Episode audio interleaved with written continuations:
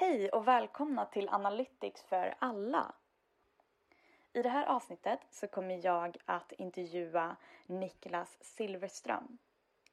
Och Niklas är en eh, ingenjör som driver två bolag, eh, Northlink och GetAI, eh, där han arbetar med maskininlärning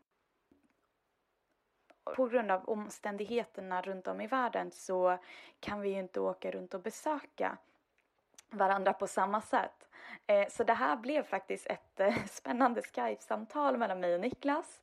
Eh, jag satt, på, jag, jag satt i en stund i köket och var tvungen att förflytta mig till sovrumsgolvet för att det borrades för mycket på grund av grannarna.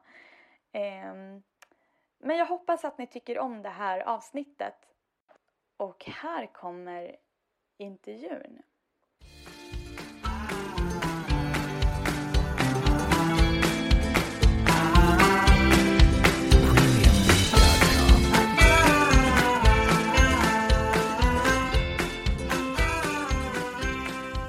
Så då såg jag din profil vilket var en väldigt spännande för jag eh, har hört lite om eh, Get AI förut.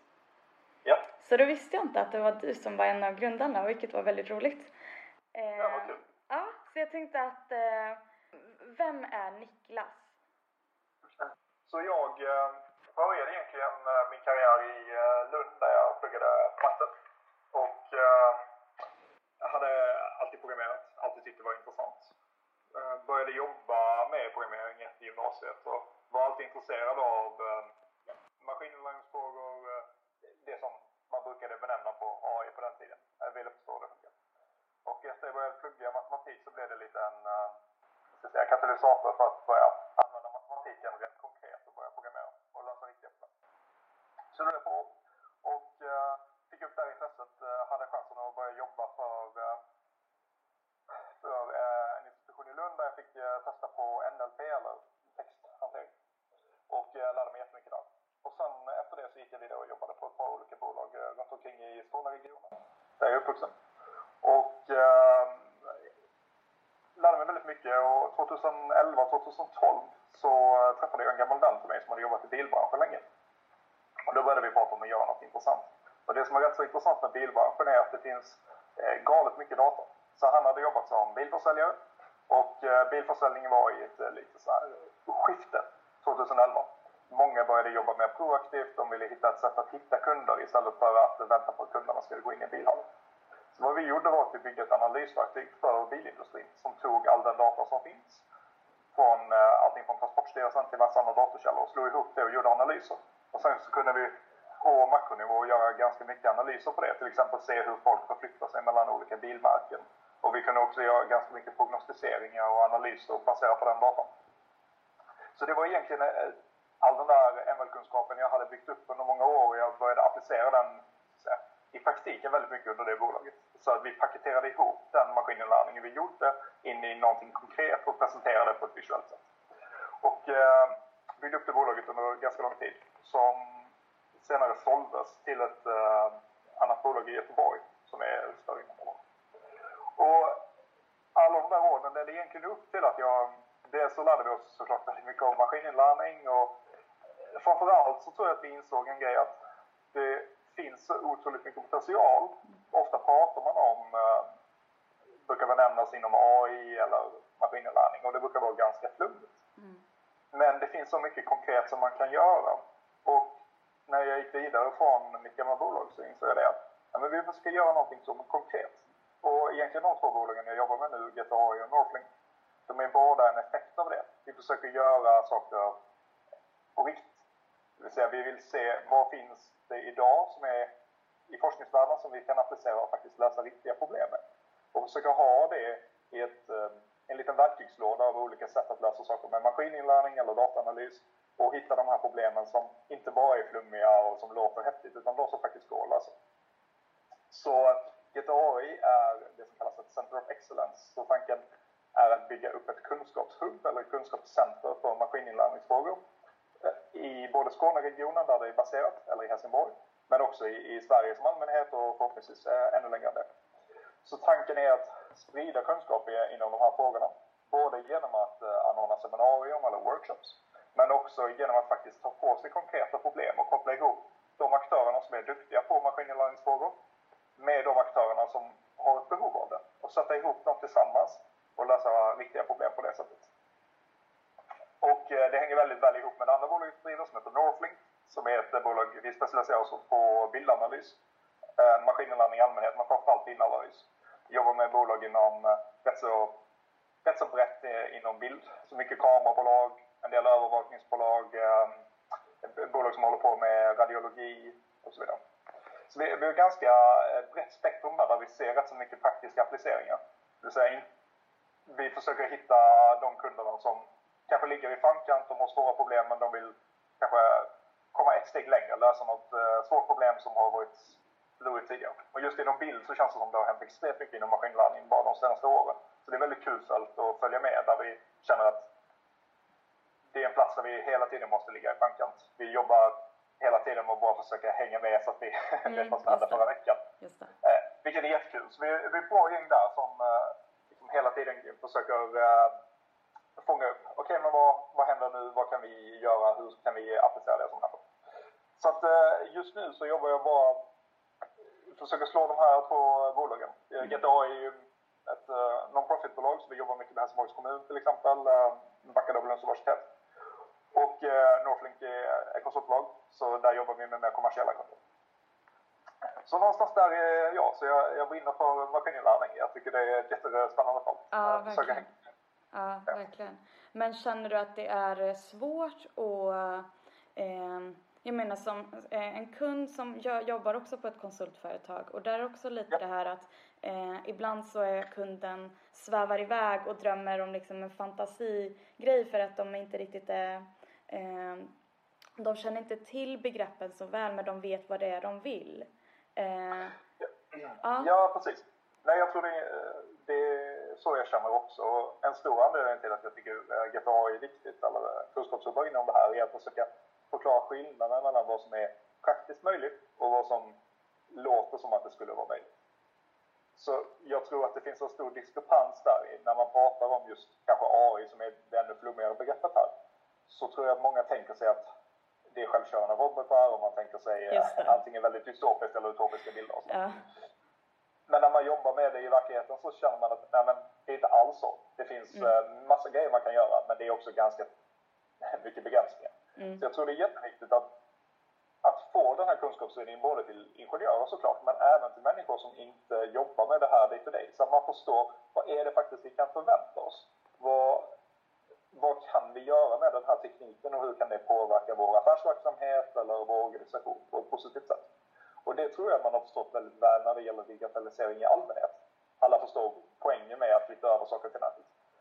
Men just med maskininlärning och AI så blir det ofta inte så konkret. Man tänker sig att det är ett sätt man kommer förlora jobbet om man blir automatiserad eller man tänker sig att det ska lösa alla ens problem om man inte behöver anställa längre. Och, och det där är inte sant alls utan det är jätteviktigt mm. tror jag att vi har en konkret och riktig dialog om vad, vad är det här och vad kan vi göra? Mm, precis. För det är, ju, det är ju många som pratar om det här om att nej men, eh, våra jobb kommer att ersättas någon, om några år och, och sånt. Och du som ändå är mitt i, mitt i smeten så att säga och implementerar och, och allt detta. Eh, du säger att det inte riktigt stämmer liksom utan... Nej precis. Jag tror att man skulle kunna dra anekdoter till rätt så många branscher. Men om vi tar, eh, tar medicin till exempel, just inom radiologi så pratas det ofta om eh, radiologer Mm. Det kommer att behövas. Eh, det har varit människor som har sagt i flera år nu att vi ska sluta träna radiologer för att det är helt meningslöst och så. Ja, och, och, det där är inte alls sant. Det, mm. det är klart att det vi gör nu på ingenjörssidan är jätteviktiga verktyg för läkare som de kommer kunna automatisera bort bitar som tar lång tid, som är ineffektiva så att läkarna kan fokusera mer arbete på att hantera patienter eller göra det de är superkvalificerade för.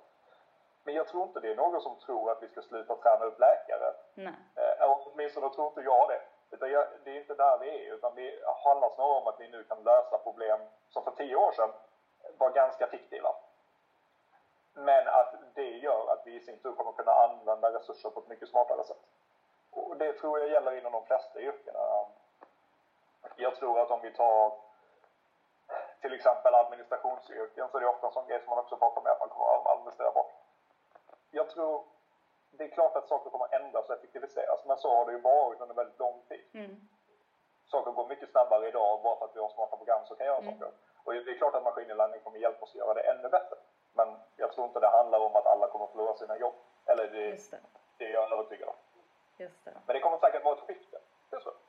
Ja, precis. Ja, men så är det väl ganska, med, med ganska mycket ändå i, i den här branschen där det är, ja men, det, för, för flera, flera år sedan så var väl kassasystem inte riktigt, eh, eh, kassasystem fanns ju inte utan då var det på andra sätt de gjorde dem. Ja, Ja, precis. Och det, det tror jag också. Jag tror man pratade om det här när jag började jobba. Det var precis innan finanskrisen eh, slog. 2006, 2000, eller det började vi 2006. Och då pratade man jättemycket om att nu kommer vi flytta över alla betalningar digitalt. Folk kommer inte ha kontanter längre. Ja, Mm. bankkontor kommer inte existera. Och det är ju sant i viss del. Det har ju hänt lite. Men det betyder ju inte att allting har försvunnit. Vi behöver fortfarande personlig kontakt och vi behöver fortfarande olika grejer som vi har tagit för givet. Men det är klart att det har förändrats. Det tror jag det kommer göra med maskininlärning också. Att eh, många människor kommer säkert se väldigt stora förändringar, precis som de har gjort, eh, ja, om vi tittar bakåt 50 år också. Tror du att, ja, Ja. Eh, tror du att fler saker, alltså, eh, tror du att människor till sist inte kommer behövas alls? För att det går att göra så mycket med maskininlärning eh, ju längre vi kommer med, med åren. Jag tror inte det från det jag ser nu. Jag tror inte vi kommer hamna i ett läge över överskådlig framtid där vi kanske inte skulle behövas alls. Jag tror att det är någonting helt annat. Och det hade väl varit jättefint. Jag är väldigt för den tanken att inte skulle, alltså allting skulle vara kvantitativt. Men jag tror inte det är där, det är inte det vi pratar om. Nej. Och jag tror att man fortfarande är ganska fiktig diskussion när vi pratar om generaliserade AI och självtänkande datorer. Visst, det händer jättemycket där, det är jätteintressant. Men även det som är längst fram just nu är inte någonting i ens närheten. Vi, det är väldigt, väldigt långt bort och det är väldigt Mm. viktigt om det här går. Men det är klart det finns väldigt många smarta människor som tror att det här kommer att hända. Mm. Men där jag ser det nu så ser jag inte det, det är inte den diskussionen vi ska ha. Vi ska ha diskussionen, vad kan vi göra idag med den tekniken som finns? Och varför är det positivt? Men jag tror där finns det så mycket att vinna. Eh, till exempel som inom vården där det är väldigt belastat. Det är typiska branscher där vi, vi vill aldrig lägga pengar på vården, vi ska alltid ta ner budgetar. Kanske kan vi använda teknik som en hävstång för att försöka skjuta tillbaka. Kan vi lösa problem som tar väldigt mycket resurser så att vi kan använda resurserna på ett smartare sätt? Då tror jag det finns jättemycket att vinna. Och då måste vi vara väldigt konkreta i vad, vad exakt är det här och vad, vad kan vi göra? Just Så det, men det är klart, om vi tittar 200 år fram, det är väldigt svårt att säga. Men kanske. Ja, men visst, visst. Vi vet ju inte. Men eh, hur tror du maskininlärning idag kan hjälpa just i den här situationen som vi- befinner oss i? Hur tror du maskininlärning kan stötta detta eller vad? Så om du tänker på corona? Ja, eller? precis. Ja.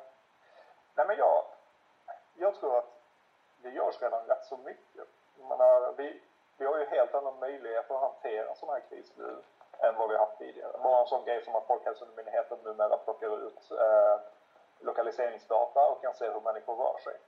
Det är klart att det är ett jättekraftfullt verktyg. När vi har den datan så kan vi också börja förutspå, okej, hur kommer människor röra sig? Hur påverkar den här situationen människors beteende? Och då kanske vi kan också lägga in de restriktioner som behövs. Och jag tror även som jag, jag har sett att det är en del bolag som tittar på automatiseringar. Ska försöka kanske snabba på testningsprocesser eller andra liknande. Så jag tror att det finns jättemycket där. Sen tror jag att den krisen vi är i just nu är ett väldigt medicinskt problem. Jag tror att vi i teknikbranschen gärna vill att det ska vara vi som löser det här. Ja, Jag tror att rent krasst så måste vi lita på att just nu är det många jättetappa människor som jobbar inom medicin som, som leder det här. Men det är Mm. klart att om vi kan göra någonting med den tekniken vi har, det är jätte, jättepositivt. Och jag tror det finns jättemycket. Men det kommer nog komma långsiktigt. Det mm, kommer inte att lösa så en kortsiktig kris, det tror jag inte. mm, Sen så tror jag att det finns en väldigt stor uppsida när vi tittar på den andra sidan av den här krisen, hela den ekonomiska aspekten. mm, Där tror jag att det kommer att vara ett stort skifte. Kanske kommer vi inte gå tillbaka till hur det var innan det här. Vi kommer nog inte resa som vi har gjort innan. Vi kommer kanske vara vaksamma på ett annat sätt. Åtminstone fram till den punkten då det här är helt över. Och där tror jag att både digitaliseringen har ju gjort eh, ofantligt mycket. Vi kan träffas på ett helt annat sätt. Men det kanske också kommer att leda till att det kommer att vara mer press på det digitala. Att automatisera bort processer som tar väldigt mycket tid kommer att vara jätteviktigt eh, i den här övergången för att eh, vi ska kunna hantera det. Så där tror jag också maskininlärning har en stor roll att spela och det gör den såklart redan. Maskininlärning är ju inte någonting som som inte händer. Jag menar, alla stora bolag jobbar ju redan med det här och när vi mm. söker på någonting på Google så, så är det redan en smart algoritm som tar fram grejer. Så det är klart att den har hjälpt oss på många sätt. Den mm. leder oss uh, rätt när vi söker efter information om den här krisen. Den uh, ja, filtrerar bort grejer. Ja. Så jag tror vi ser jättemycket av det här i bakgrunden redan. Den krisen vi är i, den är väldigt formad av det teknikskiftet vi är redan. Men eh, du pratade lite om det här med eh, bildigenkänning, att det är väldigt mycket sånt ni eh, håller på med i, i projekt och så. Eh, har du ett exempel, något spännande liksom, projekt där ni har gjort något liknande och vad, hur, eh, hur går ni tillväga? Vad... Så jag tror, eh, jag tror bild är ett ganska intressant konkret exempel också. Om man pratar om maskininlärning eller AI så ofta som vi pratade om så blir det ju ofta ganska flummiga diskussioner. Men bilder är någonting ganska konkret. Det är rätt så uppenbart vad det är man försöker lösa där och problemställningen är kanske också ganska tydlig. Vi försöker göra det en människa kan göra. Mm. På ett bra sätt. Mm. Så vi har bland annat jobbat med bolag som eh, använder kameror för att automatiskt göra räkna människor i bilder till exempel och se hur människor rör sig in i butikslokalen. För att eh, kunde kunna göra automatiska kundundersökningar, se hur många människor rör sig in i en butiksområde, var rör de sig, var förflyttar de sig? På samma sätt så har vi jobbat med bolag som kanske tittar mer på, de vill fånga upp när någonting händer i en bild, då vill man kunna reagera på det. Och det är vi människor vi är jätteduktiga på, men att göra det automatiskt, det kan vara svårare. Och det är såklart, bildanalys har, det har vi ju sysslat med jättelänge. och det, vi har benämnt det massa. Men det jag tror som är väldigt intressant som har hänt inom uh, maskinlärningshållet är att det har blivit mer tillgängligt och mer kraftfullt. Det. det. finns nu väldigt mycket inom forskningen mm. och som har börjat komma tillbaka till jag ska säga, det, det praktiska och det konkreta som vi kan återanvända. Till exempel en grej som jag tycker är jätteintressant är trenden med det som kallas transfer learning, det vill säga att de här förtränade modellerna som Google eller de riktigt stora bolagen gör, de vikterna till eh, de här modellerna. De kan vi nu återanvända mm. och göra anpassningar på. Så att till exempel att träna upp en, eh, en ny algoritm eller modell som identifierar ett väldigt specifikt case. Det kan vi återanvända det här gigantiska jobbet som Google har gjort redan. Och det gör ju det så extremt mycket an mer anpassningsbart för små bolag eller mellanstora bolag eller regioner eller kommuner eller vad det nu. Och där tycker jag att jag har sett ett stort skifte som vi började också. Att många av de casen vi har jobbat på, där har det kanske kunnat lösas på många sätt så. Ja men, vi vill ha en modell som till exempel identifierar människor in i en butikslokal. Och vi vet att det finns jättemycket färdtränare för att träna upp människor, men vi vill träna det för specifikt för det här anpassningsområdet och få det riktigt, riktigt bra. Och där tror jag att man, det har varit ett stort skifte. Nu är den här tekniken mer tillgänglig för startups eller småbolag. Så att, eh, det har varit mycket så tycker jag, att vi, vi har sett de casen som har, det har bekräftats under lång tid de riktigt stora bolagen när man har pratat om det. Men nu har vi börjat se att det är många bolag som har börjat använda den här tekniken eh, ganska lokalt. Och kanske få användningsområden som är väldigt specifika. Vad tycker du är den största utmaningen i just den branschen du är i just nu? Vad är det det här med att eh, försöka få eh, all, folk runt omkring att förstå vad det är ni håller på med? Eller vad, vad, vad tycker du är den största utmaningen rent krasst? Jag tror, jag tror det är en kombination av faktorer. Jag tror, det är klart att det är jätteviktigt att människor förstår vad vi gör och där har ju vi som ingenjörer eller de som jobbar i de här bolagen ett jättestort, ja, ett jättestort ansvar såklart. Och det är såklart väldigt viktigt för eh, en vår verksamhet också, att människor förstår vad vi gör. Det tycker jag har förändrats ganska mycket. Jag tycker många förstår i stora termer ungefär vad det är man jobbar på när man säger att man jobbar med maskininlärning just nu. Men jag tror att det finns ett stort, som vi pratade om, en stor diskrepans där mellan vad som är, går att göra och vad man tror kan, man kan göra. många av de casen vi har sett eller vi har tittat på, där har det varit en ganska skev bild av vad som faktiskt är möjligt. Man tänker sig att man har samlat in lite data under ett par år och sen så ska man lösa alla organisationers problem med den här datan. Mm. Och så tänker man att då hyr man in en ingenjör som löser det på någon månad och så kommer allting bli bra. Mm. Och där är det klart, där tror jag det är en ganska stor utmaning att hur förklarar man det här på ett bra sätt? Att vi kan inte alltid lova framgång. Vi måste kolla på caset, det kommer att ta ganska mycket tid. Vi kan inte lova att du kommer få de resultaten du tror att du ska få. Där tycker jag det är en jätteutmaning för den typen av bolag som vi är. Att kunna förklara det för en kund. Mm. Det är mm. inte samma sak som att beställa en hemsida där vi kan lova det att det kommer att se ut exakt så här. Vi måste ha insikt i vad det är du gör. Och vi måste kunna sätta oss in i den domänen du jobbar i. Mm. Många av de casen vi jobbar i kan vara allting från medicin till, äh, till äh, vanlig bildteknik eller vi har jobbat i många olika bolag. Och klart att det kräver rätt så stor anpassningsgrad att man kan sätta sig in i vad är den här specifika domänen, var, var kommer den här datan ifrån, varför är den viktig och hur ska jag tänka där? Och det är också en stor utmaning för att man ska förklara det för den andra parten att det här kommer att ta tid. Så att där tror jag det är en jättestor affärsutmaning för den typen av bolag som vi är, som jobbar med just maskininlärningsfrågor åt andra bolag att kunna förklara. Från branschens perspektiv så tror jag att en av de stora utmaningarna är att hålla oss ajour jag tror att det finns jättemycket jättebra initiativ nu för att lära sig maskininlärning men eh, det händer så extremt mycket och att hålla folk up to speed är, är en jätteutmaning. Där behöver vi vara jätteduktiga på just utbildningsbiten och kunna ordna bra seminarium, se till att vi eh, faktiskt håller samma tempo som många aktörer i Europa, USA, Kina för den delen, som är jätte, jättelångt fram i de här frågorna. Och det, det är en jätteutmaning tror jag. Hur passar man in det i har du någon gång känt att här, nej men det är inte riktigt det här jag ska fortsätta med eller eh, du verkligen brinner för eh, det här ämnet?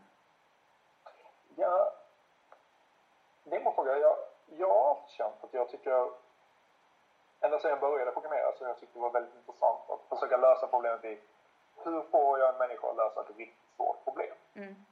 Alla andra programmeringar jag sysslat med har alltid varit, man vet att det här går att lösa. Och det är en tillfredsställelse att bygga upp det. Men just när det gäller de här typen av frågor som, som kommer med maskinlärningsfrågor så är det ofta lite mer, äh, det, är, det är lite ett enigma. Jag vet inte. Går det här att lösa? Går det att göra på? Och den kicken tycker jag ger mig så otroligt mycket när man väl lyckas lösa ett äh, svårt problem och man äh, lyckas bygga ihop det här till någonting som faktiskt funkar. Då tycker jag det är sjukt. Så att, äh, för min del så tycker jag bara det blir roligare och roligare för att det går att göra mer och mer. Mm just nu så känns det som att det är en fantastisk eh, tidsålder på det sättet att det finns så otroligt mycket att göra. Jag tror det är jättemycket utmaningar som inte är lösta. Så att eh, just nu så skulle jag absolut inte vilja byta spår men, men jag tror att det är jätteviktigt där. Alltså, jag tror att det är viktigt att hitta den här domänen som man vill jobba med. Hitta de, de här praktiska problemen som är riktigt intressanta. För det, det är då jag också tror att man blir mer inspirerad att göra det. Till exempel är man jätteintresserad av, av medicin till exempel så finns det ju otroligt mycket utmaningar inom radiologi till exempel där man kan göra grejer. Är man intresserad av eh, ekonomi så finns det massor inom finans. Så, så jag tror att för att hålla sig eh, tätt på de här typerna av frågorna så ska man nog jobba i ett fält så att det blir en stor utmaning. Mm. Det är nog lätt att hitta problem som, som redan är lösta och då kan det säkert bli lite uttjatat vilken bransch tycker du är roligast att eh, arbeta inom när det kommer till eh, projekt? Så jag personligen tycker att just medicin är fantastiskt roligt, eller mm. vård i allmänhet. Det känns som en jätte, jätterolig grej om jag som ingenjör skulle kunna bidra tillbaka någonting till den branschen. Det, det tycker jag är jätte, jättespännande och jätteroligt. Jag har jag personligen eh, funderade ett tag på att läsa till läkare när jag var väldigt ung. Mm, och sen eh, så, så skippade jag det av många anledningar som jag tror är bra. Men det känns väldigt roligt att det där kommer tillbaka på något sätt. Att nu kanske jag som ingenjör skulle kunna bidra tillbaka till någonting där. Mm. Eh, om än väldigt, väldigt lite så eh, tycker jag det är jättekul. Mm. Så, och där tror jag att det händer som mest också. Om vi tar radiologi så händer det jättemycket. Nu har vi möjlighet att analysera ja, till exempel cancer identifiering kan vi göra på ett mycket bättre sätt nu och vi kan hjälpa radiologer där. Men det händer också jättemycket inom datainsamlingen. Så vi har samlat in så otroligt mycket data under väldigt lång tid. inom det fältet också. Och den datan behöver vi väldigt smarta människor för att analysera och göra bra grejer. Så, och det tycker jag är jättespännande. Det känns som det händer väldigt mycket. Men eh, det är klart att det finns massor olika fält inom det här som intressant. Jag tror att det är det som är en rolig grej med det också. Ju längre tiden går, desto mer inser vi att vi skulle kunna göra det här på väldigt mycket. Äh, som, äh, som vi inte trodde var möjligt. Mm. Men hur hinner du med allting när du har, när du har två företag dessutom? Eller Eh, du pratade lite om det här med att, eh, att slå ihop eh, det på, på ett sätt med tanke på att de, ni gör lite olika saker. Ja, precis så. Vi har, har en ganska ty tydlig separation. Jag, båda de här bolagen kör sitt eget uh, spår. Mm. Inom AI så är det en jätteduktig man som heter Joakim Jardenberg som driver det bolaget day to day, som är fantastisk. Så han kör på det spåret och där har jag en mer rådgivande roll och, och kan vara med och, och driva på det inom Northlink så jobbar vi väldigt eh, aktivt och där jobbar jag huvudsakligen med data Men sen så hjälper det ju väldigt mycket att man tycker de här grejerna är så otroligt roliga så att det är ju, det ger väldigt mycket energi också. Jag tycker det är en viktig del i det här att om man känner att man får mer energi än vad man ger, då vet man att man gör det någonstans. Just det. Men det är klart att det finns ju en, eh, det jag menar med att det finns en, eh, ett överlapp är ju att det är ju ändå det man lär sig inom det ena kan appliceras inom det andra och det tror jag är en viktig del. Att just forskningsaspekten i det, att försöka hålla sig ajour med okay, vad, vad kan vi göra? Vad, vad finns tillgängligt just nu? Vad gör andra människor inom det här fältet? Det handlar ju någonstans om att gå ut och prata och läsa på och förstå vad andra människor sysslar med. Och ju mer man fångar upp av det, desto mer möjligheter tror jag öppnas upp också. Eh, men eh, hur ser, hur ser dina dagar ut nu när eh, du inte, eller träffar ni kollegor varandra och, och så med tanke på covid-19? Vi jobbar väldigt remote. Ja. Så vi har ett kontor nere i Helsingborg där vi, ja, som är öppet fortfarande, men det är bara ett fåtal människor här. I Skåne har jag haft turen att vi inte har blivit lika drabbade som kanske Stockholm än så länge. Men människor är klart restriktiva och många jobbar hemifrån. Jag jobbar mycket hemifrån. Så det är ju eh, det är klart en, en annan vardag. Och framförallt så är det alla de företagen vi jobbar med har ju ofta stängt ner kontoret eller träffar inte externa parter och så. Så det är en annan vardag. Men det har inte förändrat allmänt sådär jättemycket. Det är, jag tycker att man fortfarande märker att folk kör på. De löser samma problem som man försökt lösa innan. De flesta förväntar sig nog att det här kommer att blåsa över vid något tillfälle och att eh, livet kommer att fortsätta ungefär som det var innan. Det är klart att det är en annorlunda vardag. Men det, där tror jag att man har väldigt mycket att vinna i att vi jobbar i teknikbranschen som är digital till att börja med. Så det behöver inte påverkas så mycket. Och jag hoppas att en effekt av det här kommer att vara att människor inser att vi kanske kunde lösa väldigt mycket digitalt till att börja med. Det kanske inte alltid behövs att vi träffas fysiskt eller reser runt för att kunna lösa problem. Saker tillgängligt eh, även på distans. Det är någonting jag, jag tror jättemycket på att ska man bygga ihop ett väldigt bra team med människor inom det här området det finns inte sådär jättemånga. Då tror jag att det är viktigt att kunna sätta ihop dem på olika geografiska platser också. Mm. Så att, eh, det hoppas jag ska komma och ändras av Det känns som att på så sätt så kan man försöka se ljusglimtarna i det. Att vi ställer om till en mer hållbar vardag efter det här kanske. Just det. Ja. Men ehm, är, är rutinerna de samma för dig eller eh, hur funkar det liksom? Har du något möte klockan nio eller kör du ännu senare? Eh. Vi kör på ganska vanligt. Ja. Försöker hålla det till vanliga kontorstimmar. Jag tror det är viktigt. Jag har småbarn hemma så det, det, är också det är en viktig aspekt tror jag att man försöker separera det här. Mm. Så att man inte... Det är klart det, det är nog väldigt lätt att allting smälter ihop in i varandra. Men äh, det är nog inte en hållbar strategi heller. Mm. Jag tror att ju mer man kan hålla det separerat och även om man jobbar remote så kan man ju faktiskt äh, berätta för andra att man bara finns tillgänglig vissa timmar och sådär. Så jag, jag hoppas, än så länge har det funkat. Just det, ja, ja men bra, kul. Eh, jag tycker att det har varit lite jobbigt att ha eh, konstiga rutiner. Allt blir så, ibland äh, käkar man lunch 12, ibland klockan två. Eh, just den biten. Ja, och det blir ju så. Eh, man tappar ju man tappar ju mycket av den där identiteten som man har annars, att man vet att man ska göra vissa saker vid vissa tidpunkter. Och det kan ju vara jättesvårt. Mm. Jag tror det, det var någon vän till med som berättar det. Man försöker sätta upp ett schema även när man är hemma. Så man, man tar sina pauser när man ska göra det. Man går och äter lunch klockan 12 och man går ut och tränar när man kommer hem och så. Man försöker hålla röran på ett ganska bra sätt. Men det är ju en jätteutmaning för jättemånga. Det känns... Det, det är klart det är en gigantisk omställning från vad det var bara för några månader sedan. Mm. Vad, vad har du för tips?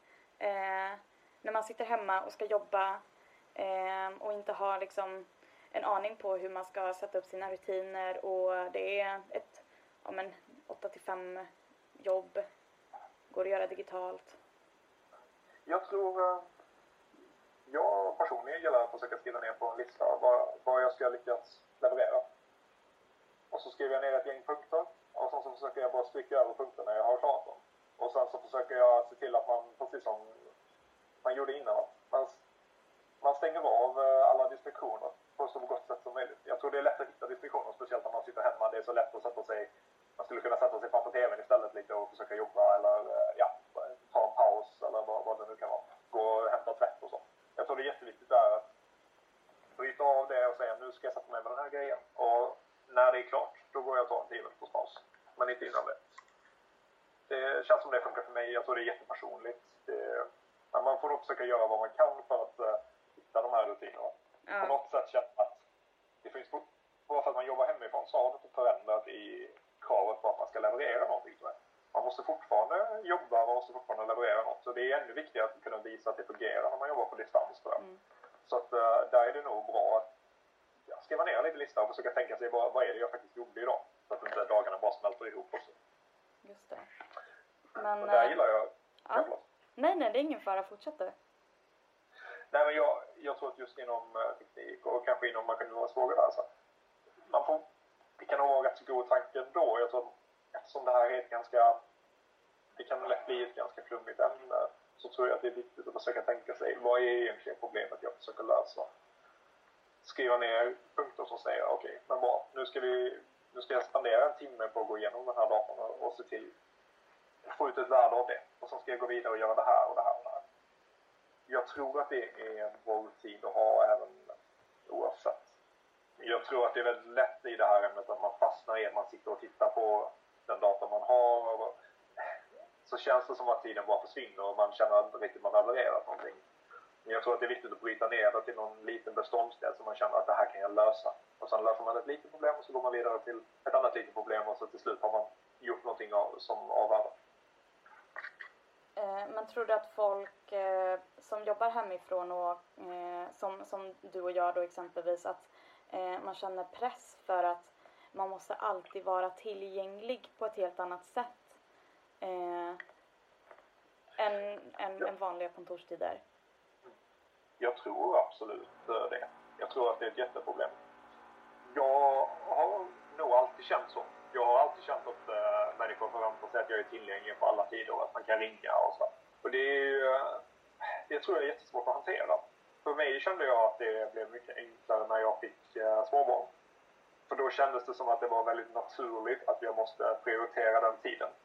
Så att jag faktiskt stänger ner när jag kommer hem när jag är med min son så är jag med min son och då, då tar jag inte arbetssamtal. Och sen när han går och lägger sig, ja men absolut, då kan jag jobba lite till om jag, om jag vill. Inte för att jag alltid måste, men för att det är roligt.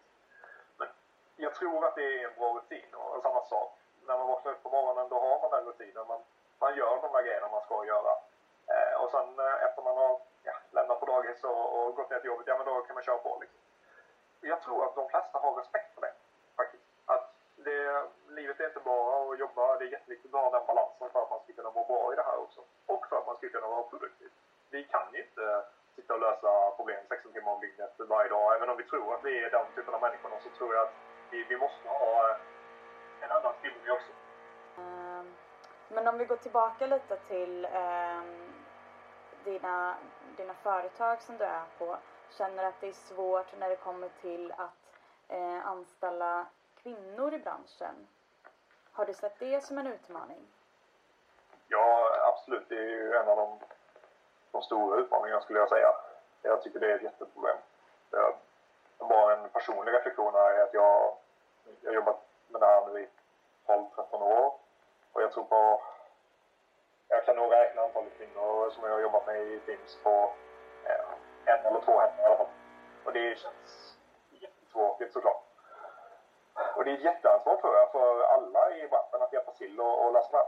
Eh, och jag tror att det börjar på en väldigt tidig nivå. Och det är jätteviktigt att se till att uh, engagera unga tjejer så att de tycker om naturvetenskap och matte och de tycker om programmering och att de går vidare och pluggar matte sen. När jag pluggade på, i Lund så tror jag att vi var två tjejer på en klass på 70, kanske. Och det är klart att det påverkar i sin tur. Jag tror att det där har ändrats lite grann. Det känns som att det har kommit in fler kvinnor i branschen än när jag började. Men jag tror att det är jättelångt kvar. Mm. Och att det, det måste hjälpas åt. Och jag, jag tror framförallt att jag som, som man måste göra jättemycket. Det är ju... Eh, Men vad ser du att du kan ja. göra? Jag tror att det är jätteviktigt att man ser till att grupperna som man jobbar i, eller miljön man jobbar i, är bra miljöer som inte är anpassade efter en homogen grupp. Jag har varit på flera bolag där det tyvärr blir så att det blir en ganska grabbig stämning. Eh, ganska uteslutande stämning och man, man, liksom, man är ett litet gäng eh, grabbar då ofta. Mm. Som tyvärr liksom tycker att alla som inte riktigt pass, har samma mall, de eh, är sämre eller de är liksom inte lika bra eller de kan inte passa in i det. Och det är ju såklart helt fel. Jag tror det är precis tvärtom. Vi måste få in människor från massa olika perspektiv för att kunna äh, göra bra grejer. Så där tror jag att man har ett jätteansvar. Även om man tänker sig att man inte kan lösa det här problemet säga, åt alla, så kan man lösa det i den lilla gruppen man är i och se till att det blir bättre. Man är väldigt inbjudande i den miljön. Och det gäller både för att få in kvinnor i branschen, men även andra såklart. Mm. Det gäller för att skapa en bra arbetsstämning Så där tror jag att det finns ett jätteansvar. Mm. Det, det tycker jag i allmänhet att de flesta är väldigt duktiga på, men det är klart att det finns jätte, jättemycket kvar att göra. Just det. Eh, men eh, ni hade inga kvinnor i eh, Northlink va? Nej, precis. Så det, ja, bara där ser man ju problemet. Vi, nu är vi ett ganska litet bolag just nu, så vi är sex personer. Men vi är sex bara killar. Och eh, tyvärr är vi sex killar med en ganska snarlik bakgrund också. Så att eh, det är klart, det är inte så man vill ha det. Tror du att och, det kan vara svårt, eh, exempelvis eh, Eh, om, om jag skulle då eh, söka till, eh, vill jag, jag går in på en hemsida och så tittar jag, men vad finns det för, för trevliga medarbetare här? Eh, skulle jag kunna passa in här? Och då ser jag att alla är ungefär likadana, eh, som du sa. Eh, är det en utmaning då för er att, eh, att locka mig eh, in till er? Ja, det, det är det såklart. Och jag tror att i den här branschen så är det alltid en utmaning att eh, att kunna vara en attraktiv arbetsgivare till att börja med. Det är svårt att hitta väldigt duktiga människor inom det här fältet. Ja. Och för att göra det så måste man vara arbetsgivare på alla sätt och vis. Men det är klart att gruppstrukturen är en viktig aspekt i det. Att man kan leverera en arbetsmiljö som känns bra. Mm. Det är klart att det är jättemånga andra aspekter i det. Man kan leverera en arbetsmiljö där man kan uh, känna sig positiv och inspirerad. Vi försöker jobba jättemycket med utbildningar.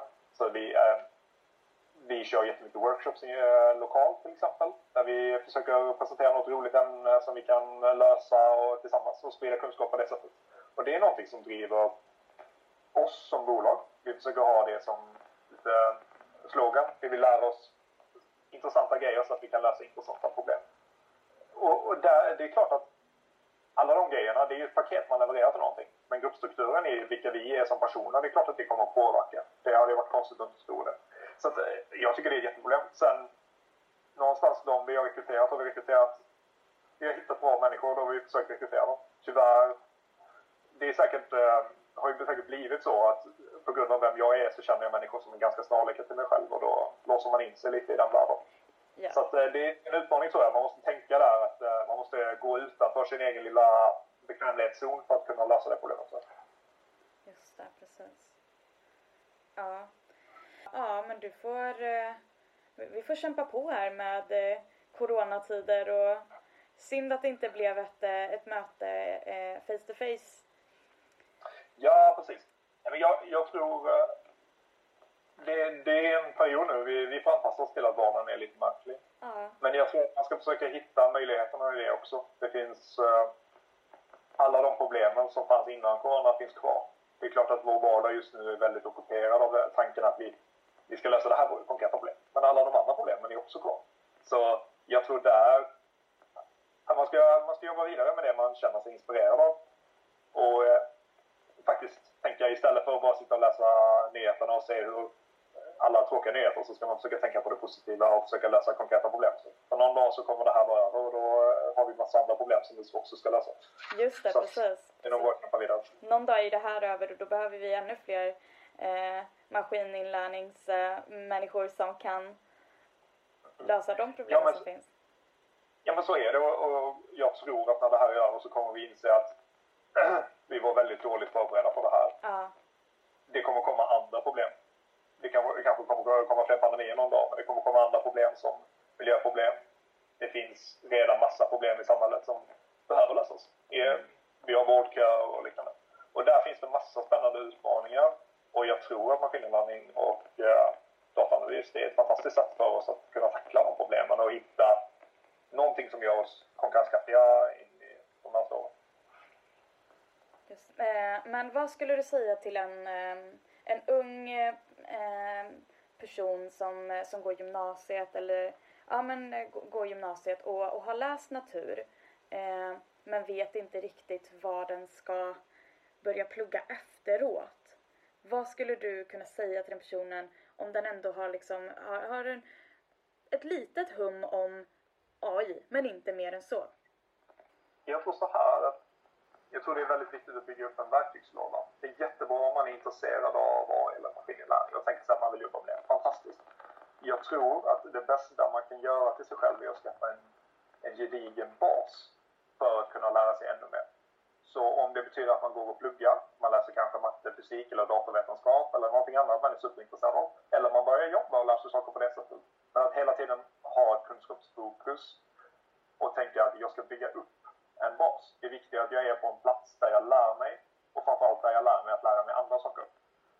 Så där tror jag, är man jätteintresserad av det här fältet så tror jag det är väldigt naturligt att kanske börja studera datorvetenskap till exempel eller matematik eller fysik. Eh, fantastiska bra vägar och sen börja jobba lite på sidan av eller göra hobbyprojekt. Har man turen att hitta ett jobb redan tidigare som låter en sitta och programmera hela dagarna och fantastiskt, gör det. Jag tror det viktigaste är att göra någonting som tar en och man känner att den här tiden jag investerar är bra tid att investera. Och kan man bygga upp den verktygslådan med lite olika, eh, ska säga, olika erfarenheter och kunskaper, då kommer man kunna hänga med i den här branschen också. Det, det enda jag har lärt mig eh, sen jag började jobba, det är egentligen att jag måste lära mig någonting nytt. Det jag lärde mig för fem år sedan var, är inte aktuellt idag. Så att det, man får tänka att det här är en väldigt rörlig bransch och man måste alltid hänga med och, och tänka sig att man får nog göra. Man ska tycka det är roligt att lära sig resten av livet tror jag, om man ska jobba med det här. Ja. ja, men jag håller med dig helt och hållet. Varje dag lär man sig något nytt. Ja, precis. Och det är det roliga med det också. Ja, Det är så det ska vara. just det. Det, hade man en dag varit och gått till jobbet och insett att jag inte har lärt mig någonting, ja men då kanske jag ska byta fält. Då är det nog inte rätt längre. Eller att jag inte vill lära mig. Mm. Men så länge det är så här så är det jättekul. Det är fantastiskt att få betalt för att få lära sig saker. Bra sätt att säga det på faktiskt. Ja, men, Verkligen. Eh, Får jag bara ställa en sista fråga? Vad, vad fick dig att, eh, att säga ja till att ställa upp eh, i det här liksom? jag tror på att man ska, man ska vara väldigt öppen för att testa nya saker. Jag tror man ska vara jätteöppen för att träffa nya människor också för den delen. Jag tror det är så man lär sig. Mm. Så jag tycker det, det känns som en väldigt tråkig attityd om man hela tiden skulle vara defensiv och tänka sig att det här kanske inte passar mig eller vad det nu kan vara. Man får testa nya grejer. Ibland blir det jättebra, ibland blir det fel, tyvärr. Men uh, det är mycket roligare att testa grejer än att inte göra. Så, och det tycker jag är samma sak med jobbet. Så det känns jätteskoj. Och sen, uh, ofta tycker jag att när man väl gör det så blir de flesta de flesta mötena man gör eller träffarna man gör, de blir jättepositiva och man träffar nya människor och lär sig någonting nytt. Ta med sig någonting från det också. Det tror jag är det viktigaste man kan göra. Mm. Ja, verkligen. Jag har tagit med mig jättemycket av det här i alla fall. Vad bra! ja, men... eh, Tack så men jättemycket. ja, tack själv. Ha det så jättebra. Detsamma. Hej. Ha det bra.